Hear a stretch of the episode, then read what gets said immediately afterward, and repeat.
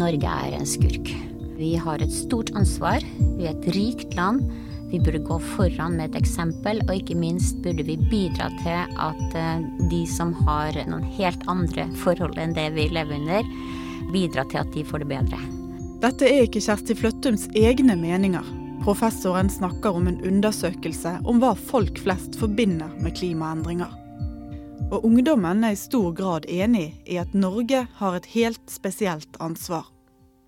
Det samme så vi i undersøkelsen blant eh, elevene i, elever i videregående skole, som var veldig klare på dette med at Norge er eh, en skurk. Om de brukte ikke nødvendigvis ordet skurk, men at Norge har et ansvar. Eh, og vi er rike, vi har eh, kapasitet til å bidra til å hjelpe resten av verden. Det var uttrykk som Jeg husker veldig godt et utsagn. Mennesker er generelt egoistiske, kanskje særlig nordmenn. Undersøkelsen hun snakker om er en del av Linklim-prosjektet, som ser på hvordan kommunikasjon og språkbruk påvirker vårt engasjement i klimasaken. Mange nordmenn er opptatt av å dempe veksten. Dempe forbruket.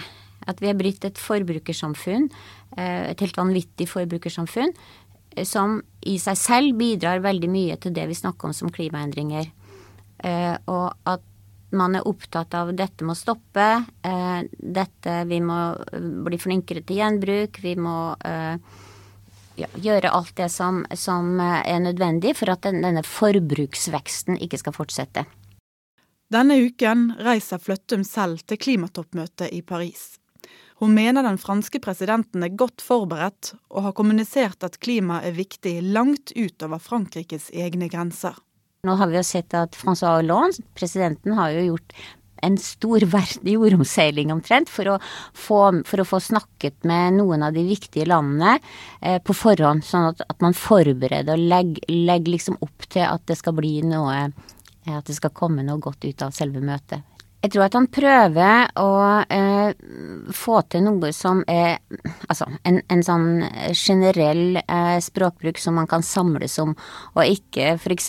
som man kunne tenke fremme Frankrikes spesielle interesser i det her. Det er viktig for han å vise at han er på et overordna nivå, og hvor det er de globale spørsmålene som er viktigst. Måten ulike regjeringer velger å omtale klimakrisen, avhenger av hvordan landet selv skaffer seg energi, og om det allerede er påvirket av klimaendringer. Vi har gjort eh, noen eh, sammenligninger, eh, ikke systematisk med veldig mange andre land, men det vi ser er at eh, hvordan klimaspørsmålet blir fremstilt, kan være veldig forskjellig. Det kan ha å gjøre med hvor, eh, hvor hardt ramma et land er og så har det også veldig mye å gjøre med hvilken eh, energisituasjon de enkelte landene er i. F.eks. i Frankrike, som da eh, er i hovedsak et land som er basert på atomenergi. Eh, der brukes jo argumenter som at atomenergi er jo noe som ikke har utslipp. Så det er jo i praksis rent. Så det, de som er forkjempere for det, vil jo, vil jo, bruke det som et argument. Mens de som er motstandere, da vil, si, vil peke på at det er mange andre farer eh, ved atomenergi. Og det er jo det eh, noen av de som da nå sier at vi må få noen nye narrativer. Vi må, vi må binde sammen klimaspørsmålet og energispørsmålet. Det må ikke være liksom to forskjellige løp eller to forskjellige narrativer som går parallelt. De må, de må ses i sammenheng. For narrativet, eller fortellingen vi får om klima, er viktig for hva vi tenker og gjør. Forskningsprosjektet Linklim handler ikke bare om språkbruk, men også om hvilke holdninger og handlinger kommunikasjonen fører til. Når, uh, når det gjelder uh, psykologi, så er det eksperimenter vi gjør. Og som vi har gjort og er i ferd med å gjøre. Vi har ikke alle resultatene klare der. Men uh, bl.a. gjennom Norsk medborgerpanel som er en sånn stor eh, meningsmålingsinfrastruktur som er utvikla her ved Universitetet i Bergen. Eh, hvor man eh, hvor da psykologene i samarbeid med oss, og her er jo akkurat det med det språklige veldig viktig, teste ut hvordan folk reagerer på et uttrykk i forhold til et annet, f.eks. Eh, altså ord som at noe er sannsynlig, at noe er mulig, at noe er sikkert, at noe er ikke sikkert, osv. Hva, hva slags innflytelse har det på folks forståelse av spørsmålet i det hele tatt? Og det er jo ganske viktig, for sånne uttrykk er jo det som da brukes veldig eh, systematisk av FNs klimapanel. Men hvordan oppfatter vi egentlig det som sies om klima? Et ord som sannsynlig er jo også et ord som vi bruker i dagligtale. Og hvis vi sier at eh, det er sannsynlig at sånn og sånn skal skje. Hva betyr egentlig det? Hva, hva, legger vi i det? Det tror jeg kan gå i veldig mange forskjellige retninger, alt etter sammenhengen. Selv om vi ikke kan fastslå sannsynligheten for katastrofe, danner folk seg et bilde av fremtiden. Det er kanskje ikke så overraskende, men eh, det er i hvert fall eh, funn som viser at eh, folk er veldig opptatt av fremtiden. Og på forskjellig vis. For vi har også gjort undersøkelser blant eh, skoleelever på videregående skole. Hvor vi har spurt om fremtiden, hva de ser for seg. Og eh, de er veldig optimistiske. De har en stor tro på teknologi og på forskning.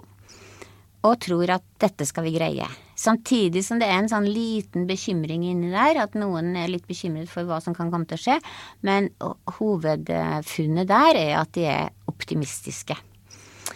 Mens hvis vi ser på den undersøkelsen som vi gjorde for, eh, for, et representativt utvalg for hele Norges befolkning, så er det mye mer frykt.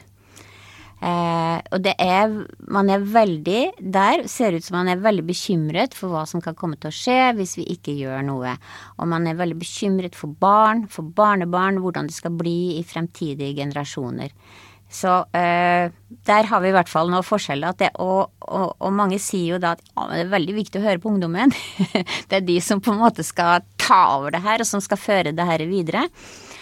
Eh, og det som også da er interessant med de unge, er jo at de sier ganske tydelig at vi er lei av all dramatikken. Vi er lei av alle de her katastrofefremstillingene. Vi vil ha noe nytt. Vi vil ha noe positivt. Vi vil ha noe som viser muligheter, sånn at vi kan bidra, vi kan være med på noe som går i retning av et mer bærekraftig samfunn. De som har mulighet til å påvirke folks holdninger og kanskje handlinger, er ikke alltid helt enige med seg selv. Retorikken til politikere, vitenskapsfolk og media har blitt undersøkt, og særlig politikerne kan presentere både doble og triple versjoner av virkeligheten. Og norske politikere er ikke noe unntak. Det som vi har lagt vekt på der, er de forskjellige innrammingene som vi ser i, eh, i norsk politikk, da. Og det er ikke noe hemmelighet, altså det er det snakka veldig mye om. Altså det er en schizofreni i norsk politikk, med på den ene sida den fremstillingen som sier at eh, Norge skal fortsette med oljeutvinning.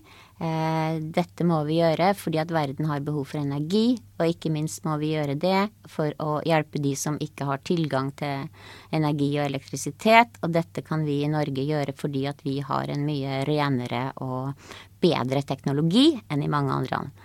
På den andre sida så er det da den andre hovednarrativen er jo at Norge har alltid vært fremme i miljø- og klimaspørsmål. Og Norge skal fortsette å ha denne rollen som helt i fronten når det gjelder klimaspørsmål. Og når de to da eh, fremstilles mer eller mindre samtidig, så er det ikke noe rart at, at man begynner å snakke om schizofreni. Norge er ikke alene om å stå i spagat. Og enkelte land spiller enda flere roller i klimafortellingen. Og Sør-Afrika er jo et veldig sammensatt land. Og hvis vi trekker inn aktører som man gjerne ser i narrativfremstillinger, så kan det jo være både helter, det kan være syndebukker, og det kan være ofre. Sånn som du har i den tradisjonelle narrativen eller eventyret. Og generelt så ser vi jo at dokumenter som kommer fra politiske hold, altså, eller fra regjeringshold, der er jo selvfølgelig regjeringen helt. Sånn er det. Det forstår vi. Men i Sør-Afrika så er, var det veldig interessant fordi at de er jo på den ene sida et land som har veldig store utslipp. På den andre sida så er det et land som har store utfordringer med hensyn til fattigdom. Og sånn sett så presenterer de seg både som offer fordi alt det de rike landene har gjort, og at det er de, de fattige landene som da blir hardest og først rammet, rammet av det som vi har forårsaket i den rike verden. På den andre sida så, så sier de også noe, eller beskriver også seg selv som litt skurkeaktig, litt syndebukkaktig, fordi at de har så store utslipp. Og så prøver de der å bevege seg opp på et globalt nivå, fordi for Sør-Afrika er jo et stort land. Og de vil gjerne være med i den diskusjonen som foregår på, på toppnivå. Og derfor så, så, legger de også vekt på at vi vil bidra. Vi skal gjøre noe med dette her. Vi skal bli bedre. Vi skal ikke ha de eh, store utslippene. Sånn at du kan se en, en sånn tredobbel aktørsammensetning der, med både å være helt, å være syndebukk og å være offer.